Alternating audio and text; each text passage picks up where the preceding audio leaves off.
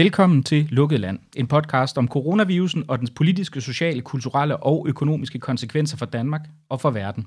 Mit navn det er Mikkel Andersen, og hver anden dag der taler jeg med en person, som har særlig indsigt i nogle af de problemstillinger, der er forbundet med den største krise i nyere Danmarks historie. I dagens program der kommer vi ikke til at snakke om eksponentielle eller lineære kurver i virusudviklingen. Vi kommer derimod til at se nærmere på de uddannelser, som blandt andet skal gøre eleverne i stand til at forstå forskellen på de to kurver. For hvis ansvar er det, at eleverne kommer igennem en coronatid uden huller i fagligheden. Man kan sige, at danske forældres uløst til at lave lektier med deres poder virkelig er kommet under pres. Så kategorisk meldte dagens gæst ud, da jeg inviterede hende med i dagens program. For lige nu, der går knap 700.000 danske folkeskoleelever hjemme, og når hverken læreren eller lektiecaféen er lige ved hånden, så er det jo mor og far, der må hjælpe med de tyske verber og differentialregningen. Men at forældrene skal tage ansvar for lektierne, det mener undervisningsminister Pernille rosenkrantz teil ikke nødvendigvis. Hun sagde i hvert fald forleden. Det er skolen og lærerne, der har undervisningspligten. Det er ikke jer forældre. Kommer der til at opstå huller som følge af fjernundervisningen, så er det skolehuller, som vi efterfølgende lukker. Og det er skolernes ansvar. Så hvorfor egentlig give forældrene dårlig samvittighed? Det spørger jeg dagens gæst om, og hun har en smule indsigt i uddannelsesområdet. For indtil juni sidste år, der var hun Danmarks undervisningsminister samt folketingsmedlem for Liberal Alliance. Og derudover så har hun i knap to årtier arbejdet med både undervisning og fjernundervisning. Og velkommen til dig, Mariette Risager. Tusind tak. Jeg skal lige høre først, hvordan ser sådan coronasituationen sådan i uddannelsesmæssig sammenhæng øh, ud hjemme med dig? Jeg ved også, du har nogle, øh, nogle poder. Jamen altså, det, det ser rigtig fint ud. Øh, vi har mulighed for at hjælpe vores børn. Vi er meget øh, privilegerede. Og, øh, og jeg vil sige, det, det er helt klart værst for ungerne. Øh, jeg tror, de glæder sig til at komme tilbage i, i skolen, og, og de vil nok tænke, at så kan de, så kan de lige få lidt luft. Så, så, så det, det er nok dem, der, der er hårdest ramt der. Så, så du kører den hårde, den hårde linje med, øh, med, med brutal lektiedisciplin simpelthen? ja, altså vi, øh, vi underviser øh, vores børn hjemme, og øh, vi får selvfølgelig en masse hjælp fra skolen, men øh, i det, at, at, øh, at lærerne jo ikke har haft nogen som helst mulighed for at forberede sig på den her situation, og mange af værktøjerne øh, ikke er øh, indrettet til den her situation, så er det klart, at, øh, at forældrene kommer til at løfte en opgave, ja. I, I et indlæg, som du på Facebook er gået skarpt i rette med, der skriver næstformanden for foreningen Skoler og Forældre, og jeg citerer, Ingen forældre skal have dårlig samvittighed, hvis de ikke laver skolearbejde med deres børn. I skal først og fremmest have hverdagen til at få fungere for familien i den særlige situation. Men altså, skal de have dårlig samvittighed? Altså, sige, dårlig samvittighed i sig selv hjælper jo ingenting. Men øh, hvis man gerne vil gøre noget godt for sine børn, så skal man hjælpe dem med skolen. Øh, det er sådan, at hvis vi kigger på øh, forskning bredt øh, om, om skole, så spiller forældre en enorm øh, vigtig rolle. Altså det at have dygtige lærere er øh, meget vigtigt. Det, at der er ro i klassen, er meget vigtigt. Men jeg tror, der omkring sådan tredjepladsen, eller der omkring, der kommer forældrene ind. Altså det, at forældrene engagerer sig i deres børns øh, skole og faglig udvikling, har simpelthen en enorm betydning for, hvor godt øh, det går børn.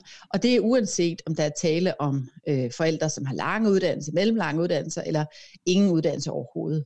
Så, øh, så, så, så det er en god idé at engagere sig i, øh, i sin børns faglige udvikling. Også selvom man synes, det er besværligt. Men altså, i, i det indlæg, som, som næstformanden for skoler og forældre, hun skriver, der, der, der opfordrer hun til, mm. at man skal have fokus på, på familiens trivsel og tage det roligt. Altså, det er jo en mm, ja. helt exceptionel, særlig situation, det her, mm. hvor der vel også er mange forældre, der både, hvad kan man sige, arbejdsmæssigt selv kan være presset, hvis de, hvis de øh, ikke er en, en del af dem, der er en del af nedlukningen, øh, og, og også kan være psykisk presset. Altså, er det ikke meget fornuftigt? Mm.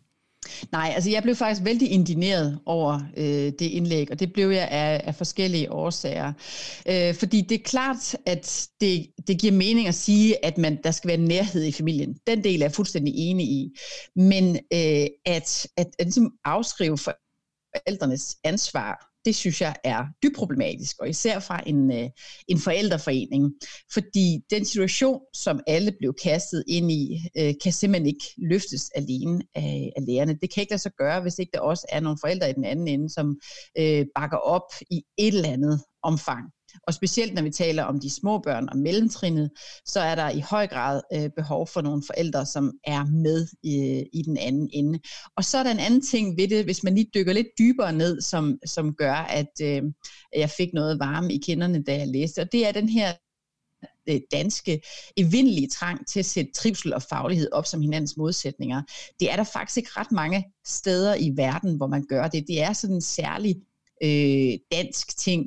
Øh, I, I de fleste lande i verden, der ser man skole øh, og faglighed som noget positivt, noget der åbner døre, øh, noget der giver en et bedre liv, øh, noget, der giver en muligheder til at, at få indsigt og viden og, og så videre. Og i Danmark, der har vi simpelthen øh, dyrket nogle bestemte teoretiske retninger så meget, at vi har fået den her modsætningsforhold mellem at have et altså et godt liv, en nærhed, varme, kærlighed, omsorg, det bliver sat op i et modsætningsforhold til faglighed, og det synes jeg er mega træls, og det er, øh, kan man sige, udfordrende for os som land på et øh, sådan helt grundlæggende niveau, og derfor er det jo også død ærgerligt, at en, øh, en forældreforening går ind i den optik. Jeg tror ikke, at de var opmærksomme på det. Jeg er sikker på, at de laver sådan et blogindlæg i den bedste mening, øh, og fordi de gerne vil gøre noget godt for forældrene. Men de skal også lige kunne øh, trække sig tre skridt tilbage sige, hvad er det egentlig, vi siger her? Er der et modsætningsforhold øh, mod at, at have øh, et nært forhold til sine børn, øh, at have varme og kærlighed, og så det at engagere sig i deres øh, skole og sørge for, at tingene fungerer. Øhm, og det er så som sagt en, en, det er simpelthen en, en dansk øh, problematik, som, som jeg vil ønske, vi kunne se noget nærmere på. Men, men overordnet, altså tænker jeg, deres budskab, og det er jo også det, som, som, som, som den nuværende undervisningsminister siger, jamen der, der slår de jo meget kategorisk fast. Altså mm. øh, undervisning og uddannelsen, det er i sidste ende skolens ansvar. Det er vel rigtigt nok? Nej, det er det faktisk ikke. og det, det er det øh, heller ikke i loven. Altså, det er rigtigt, at øh, altså, staten skal jo øh, tilvejebringe undervisning og stille skole øh, til rådighed for alle børn. Det er, det er helt sikkert. Det står meget klart i loven. Men, men det står faktisk også i loven, at forældrene har et ansvar. Og derfor er det jo også sådan, at øh, den nuværende regering, hvis elever ikke kommer i, øh, i skole i en længere periode, jamen så kan øh, familierne få frataget øh, hvad hedder det, øh, nogle øh, af deres børnetilskud. Så, og, og det ligger simpelthen i, i selve loven, at forældrene også har et ansvar for at sørge for, at deres børn går i skole. Det vil sige, hvis man for eksempel tager sine børn ud af folkeskolen, så skal de gå i en friskole, eller man skal undervise dem på anden vis. Så, så forældrene har også ifølge loven et ansvar, og derfor er det meget besynderligt, at man lige pludselig helt udskriver den del, der handler om, øh, om forældrene. Og, og det, det mener jeg sådan set er, øh, er, er skævt, og det er det øh, altså i høj grad, øh, hvis man ser det fra, fra en børnevinkel. Nu nævner du det her med, at, at, vi har en serie en modsætning mellem trivsel og faglighed i Danmark. Øh, altså, hvad er det, der... Altså, kan du, har du nogen bud på, hvad det er, der, der har fået, fået den til at opstå? Hvor kommer den fra? Er det sådan en særlig aftapning af reformpædagogikken, som vi har ja. udviklet her til lands, eller ja, hvordan? det er det. Det er, det jo. Øh, det er jo øh, den her reformpædagogiske tilgang om, at, at barnet øh, skal afsøge verden på øh, egen hånd, eller i hvert fald i nogle friere rammer, og at det, som handler om at disciplinere og opdrage og lære barnet noget, det skal man have så lidt af som muligt, og det skal i hvert fald være i så fri en aftapning som muligt. Og nu, altså reformpædagogikken kommer jo i mange forskellige størrelser, men, men vi har i forskellige bølger taget den meget til os øh, i Danmark, og har således fået den her, det her modsætningsforhold, altså hvor, hvor, øh, og som så også har fået en kæmpe opblomstring i det senere år, hvor man har talt om øh, unge mennesker, som øh, er presset og stresset osv. Og, øh, og det tilskriver man ofte et, et fagligt øh, pres. Og, øh, og den her, som sagt, den her opdeling, den, den har man øh, altså i mange lande slet ikke. Man ser på faglighed som et gode. Øhm, og, og der taler vi altså også om mange lande, som vidderligt faktisk øh, presser børn og unge langt mere, end, øh, end vi gør i Danmark. Og, øh, og, og tingene skal være i en balance, fordi selvfølgelig skal man heller ikke have et skolesystem, hvor børnene bliver meget presset. Men, men det, at vi med nogle altså, relativt moderate, kan man sige, øh, forlangende til børn og unge i forhold til faglighed, øh, får den her modsæt, det her modsætningsforhold. Det er, øh, det er problematisk, fordi man så hele tiden trænger fagligheden tilbage, i stedet for at sige, jamen, kunne det ikke være en fantastisk situation, når nu I sidder der ved, ved, ved spisebordet, og forældrene de øh, arbejder, og børnene de øh, laver lektier, eller de sidder og, og er med i et online-møde med, med deres lærer og deres øh, klassekammerater. Kunne det ikke være en god situation? Lige pludselig så kan vi spise frokost sammen. Det har vi aldrig nogensinde gjort før øh, på en hverdag. Øh, vi skal måske have nogle snacks hen ad eftermiddagen. Det bliver smadret hyggeligt. Vi kan sidde sammen og, øh, og lære tysk, og vi kan grine lidt af, at, øh, at begge parter måske har lidt svært ved det. Altså der er masser af muligheder for, at den her situation kan være god, og derfor er det drønærveligt, at det bliver sat op som, øh, som noget negativt. Som, som minister er det, altså nu kan vi sige nu, altså skole og forældre er jo sådan en, en, en, en forening, altså men inden for selve uddannelsesvæsenet, blandt lærere, blandt skoleledere, mm. er, altså køber man ind i den her, øh, i, i nogen grad, er det eller en udbredt indkøben på, på, på den holdning øh, i, i selve uddannelsessystemet? Altså både og. Vi har jo øh, rigtig mange dygtige og fornuftige lærere, og faktisk så er der mange lærere, der intuitivt, kan man sige, fordi de bor sig ned i deres fag, øh, ved og forstår, at fagligheden er vigtigt. Og det er, øh, altså dem har vi heldigvis rigtig mange af, og derfor har vi faktisk grundlæggende en god skole i Danmark. Men det man kan se, det er, at der hele tiden kommer altså nogle bølger af, øh, af den her, hvad skal man kalde, antifaglighed, rullende ind over vores uddannelsessystem. Øhm, og, og den kommer som sagt i, i forskellige øh, altså i forskellige skikkelser, men det handler ofte om at adskille livet som det er øh, fantastisk og spændende, og så fagligheden som være en, en, en, øh, en byrde og noget, der er øh, tungt. Og, og det er problematisk, fordi selvfølgelig kan faglighed godt være hårdt øh, og op ad bak. Det kan det sagtens. Hvis man skal lære øh, racesbøjningen, så er det måske ikke lige det, der er det allermest spændende. Men der er jo masser af ting ved faglighed, som er fantastisk, hvor verden åbner sig øh, for en. Og, og derfor tror jeg, at det er vigtigt at få brudt den dikotomi, dikotomi ned. Øhm, og det skal man gøre, som sagt, for børnenes skyld. Og man skal gøre det for vores lands skyld, fordi vi risikerer simpelthen øh, at blive dummere, hvis vi bliver ved med at insistere på, at man kan sagtens for eksempel gå en måned uden noget særlig undervisning. Det er jo faktisk det, som nogle af de her parter siger. Øhm, og det kan man altså ikke, hvis man for eksempel er et barn, der går i anden klasse og er i færd med at, øh, hvad hedder det, øh, at få rigtig styr på læsningen og lære regnearterne osv., så er en måneds undervisning altså rigtig, rigtig meget. Hvis man går i 9. klasse og forbereder sig til, øh, til prøver osv., så, videre, så er en måneds undervisning rigtig mange timer, øh, som man går glip af, og det er bestemt ikke lige meget. Altså i, i dit, dit udsagn, det jeg læste op fra dig indledningsvis her om forældrenes modvilje mod at læse lektier med deres poder, altså der ligger jo også ligesom en slags, hvad kan man sige, implicit kritik, der måske ikke er så ideologisk, men måske mere et spørgsmål om, at man gør en dyd ud af maligheden, og, og ganske enkelt, at måske at dogner ikke gider, ikke gider gøre den indsats. Er, er det rigtigt læst, eller hvordan? Jamen i hvert fald kan man sige, at vi har jo i Danmark en meget stærk stat, og det har vi vendet os til på mange forskellige planer. Øh, også som borgere har vi vendet os til, at øh, vi langt hen ad vejen kan regne med, at staten klarer ting for os. Men min pointe her er, at staten har også sine begrænsninger, også når man taler om skole og, øh, og uddannelse, og derfor er det problematisk, hvis man ser for eksempel som i folkeskolereformen, hvor man besluttede, at nu skulle lektier varetages i skolen, øhm, og, øh, og det skulle ikke længere ligge folk til last, og det var af hensyn til nogle af de elever, som ikke kunne få hjælp øh, hjemme. Og, øh, og, og der, øh, altså der tænkte jeg, da, jeg husker, da det blev vedtaget, så tænkte jeg, der kommer et ramaskrig fra forældrene. Det vil de ikke være med til, de vil følge med i deres øh, børns øh, undervisning. Det skete ikke. Og der tror jeg, at vi langt hen ad vejen, og her taler jeg om flertallet af forældre, fordi der er jo også masser af forældre, som gerne vil det her og gør det osv. Øh, også mange forældre, som ikke har lange uddannelser. Og, øhm, øh, men, men det er en tendens i Danmark, at vi ligesom læner os tilbage i, at, at staten tager ansvaret for os, og måske også synes, at det er meget rart. Og, og der er min pointe, at, at selvom vi opfatter os selv som meget hårdt arbejdende i Danmark, så er der jo altså, mange lande i verden, hvor forældre går længere tid på arbejde. Og hvis man bare sammenligner med nogle lande, som sådan velstandsmæssigt er øh, op omkring os, eller måske endnu mere velstående, altså USA, øh, Sydkorea, der er der mange forældre, der arbejder mange flere timer end os, men hvor du ikke helt ser den samme ulyst til at engagere sig i, øh, i børnenes skole. Og derfor tror jeg som sagt, at det er lidt, øh, det er en, en, en dansk ting, vi har så stor tillid til staten, at vi har det med at sige, okay, det klarer de, ingen problem. Øh, men det er altså ikke omkostningsfrit.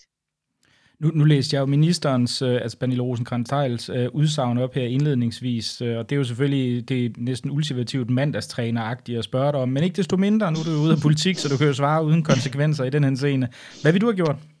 Eller sagt? Men det er altid så nemt at sidde, netop som du siger, at være mandagstræner på, øh, på, på sidelinjen. Så øh, altså, jeg vil nok have gjort mange ting anderledes, så det, det, det er svært at sætte det op øh, på den måde.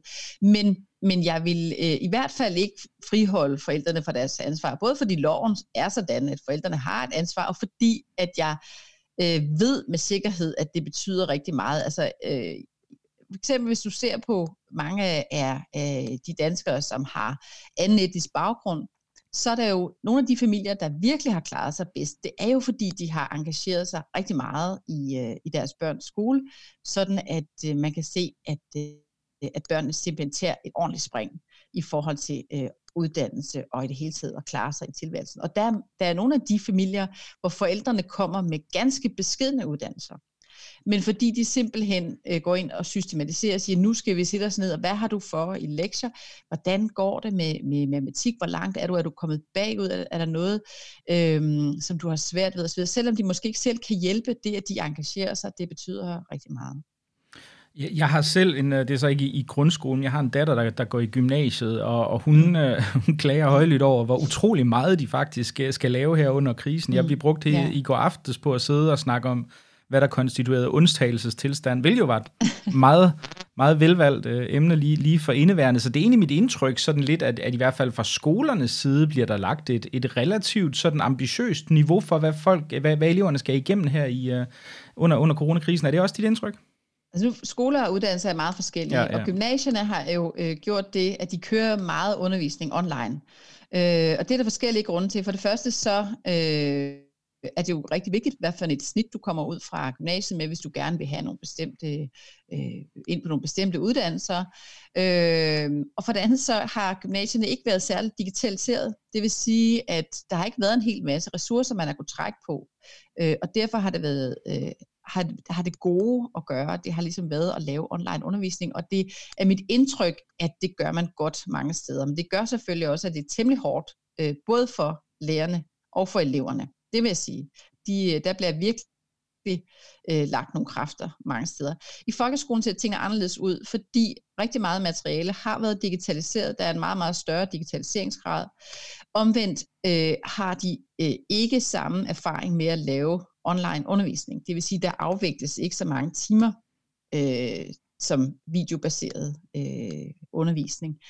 Og, og derfor vil mange forældre opleve, at de får øh, en helt øh, spandfuld links, og det kan være frygtelig frustrerende. Jeg så en meget morsom video på nettet, en far, der havde i frustration øh, lagt en video op, hvor han havde dobbelt Hitler, som skældte ud over alle de her links, der ikke virkede, og let ind i hinanden osv. Så, videre. så der er ikke nogen tvivl om, at det kan være bøvlet. Det, øh, det er jeg helt sikker på. Og der ligger også noget arbejde, øh, også for eleverne, og det kan være varierende. Det er meget varierende, hvis man ser ud over landskabet. I forhold til online undervisning, som, som jeg også sagde, der, det er jo noget, du har beskæftiget dig temmelig meget med, øh, og, og så vidt jeg ved, også, også arbejder lidt på, på, på nogle forskellige projekter i forhold til nu, ikke? Ja, øh, der, der, sådan helt overordnet, det er selvfølgelig lidt, lidt polemisk, men, men virker det egentlig? Altså, jeg kan huske, jeg har siddet og læst forskellige artikler, hvor man er sådan lidt, de, hvor folk de går ud og siger, ah, det her online undervisning, mm. øh, også i en amerikansk kontekst, det er vist ikke øh, overhovedet lige så effektivt som en almindelig sådan lærer-tavle øh, mm. setting. Hvad, hvad, Ja, det virker, men, men øh, det kommer helt an på, kan man sige, hvem publikummet er, hvordan det er skruet sammen, og om det i øvrigt er koblet med noget offline øh, undervisning. Det virker helt klart bedst, hvis det er øh, koblet med noget offline undervisning. Og det har man jo ikke mulighed for lige nu.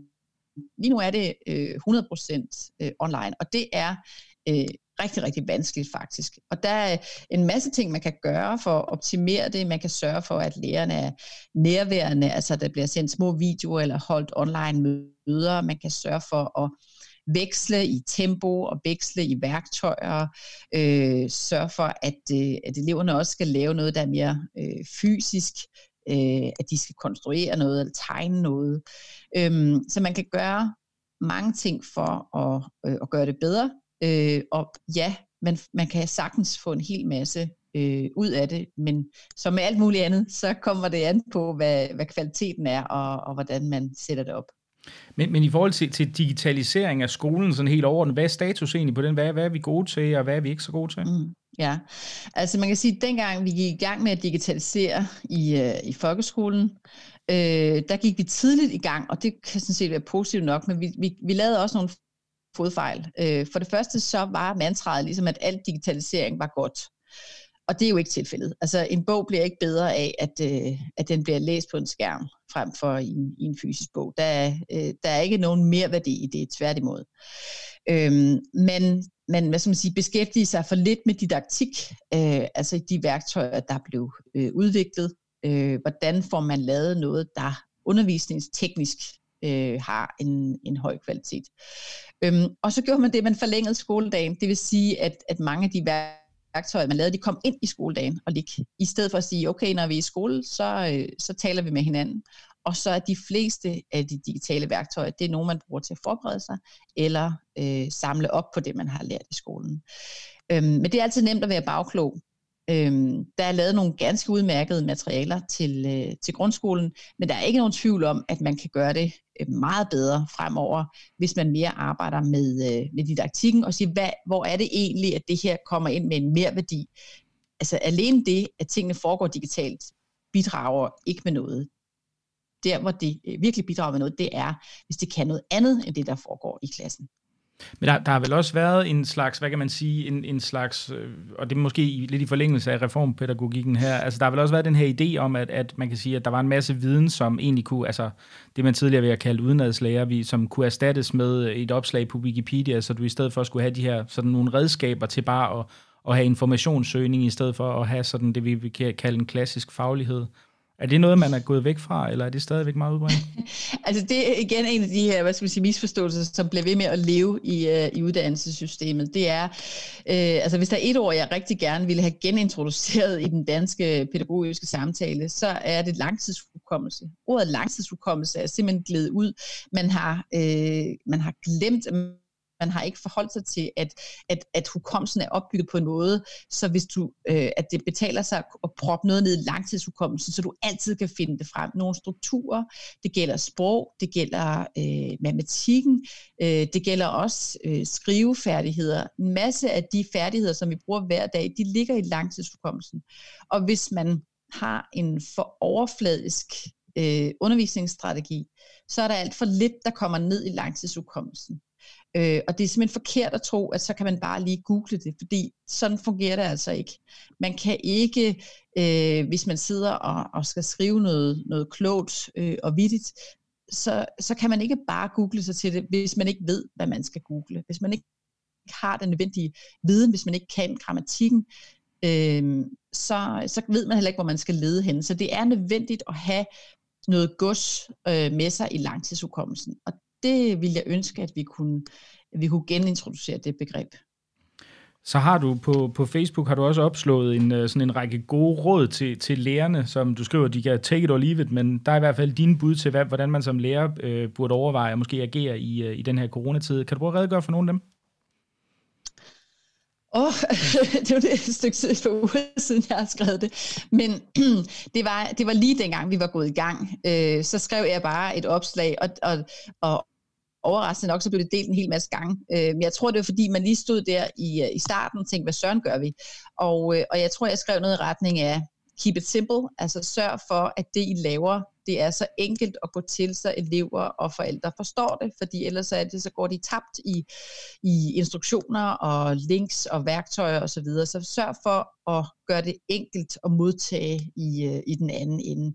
Sørg for at veksle imellem offline og online, så eleverne ikke skal sidde foran øh, skærmen hele tiden. Sørg for at være til stede. Øh, at du, det, er ikke, det er ikke okay bare at sende en mail i starten af ugen om, hvad man skal lave, og så er det det. I bliver nødt til at tit frem på en eller anden måde i løbet af ugen. Eventuelt lave nogle online møder, send dem små videoer, gøre et eller andet, så de kan mærke, at at læreren faktisk er der. Modtag øh, skriftlige produktioner og give feedback, det har I tid til, øh, mere tid end I plejer, så benyt jer af det og så fokusere på færdigheder, fordi øh, det her med at sidde og træne derhjemme, det er der tid til nu, der er ro, benyt jer af det. øh, og så lave alle de andre fede ting, som I gerne vil lave med eleverne, når de kommer tilbage. Altså, hvis de gerne vil opføre et teaterstykke, så er det ikke nu, I skal forsøge, du ved, at, at introducere det. Øhm, glæd jer over alle de ting, når I øh, kommer tilbage. Og så prøv også, øh, apropos det med forældrene, øh, netop at give det nogle opgaver, som ikke nødvendigvis inddrager forældrene mere end nødvendigt. Øh, fordi at nogle forældre jo er på arbejde, øh, og nogen øh, sidder hjemme og skal arbejde rigtig meget. Jeg tror, jeg skrev sådan noget, lad være med at sende pandekager opskrifter ud og sige, at nu skal de øh, gå i køkkenet, øh, fordi det vil inddrage de fleste forældre på, øh, på en øh, unødvendig måde. Så er de hermed givet videre. Jeg vil, jeg vil dog sige, at jeg synes selve ideen om måske at lave Skype-teaterstykker kunne have et vis lidt, lidt absurd, men hun, Nu vi tænker over det, så kunne det faktisk være meget sjovt. det, er, det er jeg meget sikker på. Måske en af de ting, der er, jeg ved ikke engang, om det er sjovere at deltage i, end at se på. Det kan faktisk godt være det omvendt, men jeg lovede jo i, i, i introen, at vi egentlig ikke skulle sidde og snakke viruskurver. Det var en, et, en udsendelse med fokus på, på uddannelsespolitik, men altså ja. her i aften har vi jo, øh, det skal siges, det her bliver optaget, øh, hvad det hedder, mandag aften klokken, øh, klokken halv mm. ni er den lige nu, og det er et par timer siden, at Mette Frederiksen holdt sin, øh, sin store tale om, hvad hendes øh, fremadrettede plan var. Den bliver jo allerede af alle udråbt til at være Danmarks historiske. Mange er super begejstrede for den. Øhm, hvad, hvad tænker du? Jamen, altså, der er jo ikke nogen tvivl om, at hun er meget, meget retorisk dygtig øh, og god til at, at give os en forhåbning om, at, øh, at der er styr på tingene, og øh, vi skal nok både bekæmpe den her sygdom, og vi skal nok komme tilbage til øh, et normalt liv og få gang i julene igen osv. Og det, det er faktisk afsindig vigtigt i den nuværende situation, og det synes jeg, hun skal have kado for. Uanset om man er rød eller blå, så har vi behov for en statsminister, som er en tydelig leder i den øh, nuværende situation, og det må man sige, hun er. Og når det så er sagt, så er jeg jo ligesom dig, meget nørdet og sidder og læser lange rapporter og så videre, så der, jeg var helt masse ting, jeg ikke synes, jeg fik svar på i forhold til strategien og teste og ikke teste og så videre. Men sådan er det. Altså det, så må vi læse os til det. Øh, det er væsentligt, at, øh, at man har, som sagt, stats, statsminister, som man lytter til, øh, og som, øh, som et flertal af danskere kan, kan, kan se sig selv i, i den her, øh, i den her meget skrækkelige situation. Jamen, altså, jeg, jeg, jeg, jeg synes, det var en imponerende tale, men altså, nu kan vi lige så godt... Øh, altså, jeg ved ikke, jeg, jeg, sidder, jeg sidder jo stadigvæk og er, er meget optaget af det her smittesporing. Det er jo det, jeg synes, der er det interessante, om, om, om man får det ikke... Jeg ved ikke, hvad, hvad, om det, altså, hvad, er det, du har, hvad, om det er det, du har betænkeligheder, eller sådan Jamen det er det. Altså, jeg, jeg altså meget, øh, altså allerede, øh, jeg havde selv en, en tur, kan man sige, med, med noget, der lignede corona øh, her i starten af marts, og der blev jeg vældig optaget af at blive testet. Det kunne ikke lade sig gøre. Og derfor fandt jeg ud af, at sige, okay, hvad, hvad, hvad gør man egentlig i andre lande og så videre. Øh, og jeg tror også, at det her med at have en meget øh, diminutiv teststrategi, at det vil blive meget vigtigt, øh, især når man skal åbne for samfundet igen. Og, øh, og, og det synes jeg, at, øh, at det ville have været godt, hvis man tidligere gik i gang med det. Jeg håber, at de faktisk er i gang med at få styr på det, øh, så vi bedre kan, kan følge smitten. Det tror jeg bliver helt afgørende i forhold til øh, gradvist at kunne, øh, kunne åbne samfundet igen. Men jeg sidder ikke inde i maskinen mere, og jeg har slet ikke øh, alle de førstehåndsinformationer, som man har, når man sidder derinde. Jeg kan kun ligesom alle andre sidde og læse rapporter fra andre lande. Ja. Så, øh, så, så det er sådan set at håbe på, at de har styr på det, fordi det har, har vi alle sammen interesse i. Jamen, absolut, absolut. Og det, det vil jeg gerne. Det er en, øh, en, en i den grad en mandagstræner podcast, vi sidder ja. og har gang i her, så det, er, der, det skal man selvfølgelig. Ja. Men øh, det er i hvert fald spændende at følge udviklingen over de kommende par uger, ikke mindst de næste absolut. to, for at se, hvordan, øh, hvordan tallene udvikler sig. Du skal mm. have tusind tak, fordi du vil medvirke i Lukket Land i dag. det var så. Rete Risager. Det var en fornøjelse. Tak for det. Tak.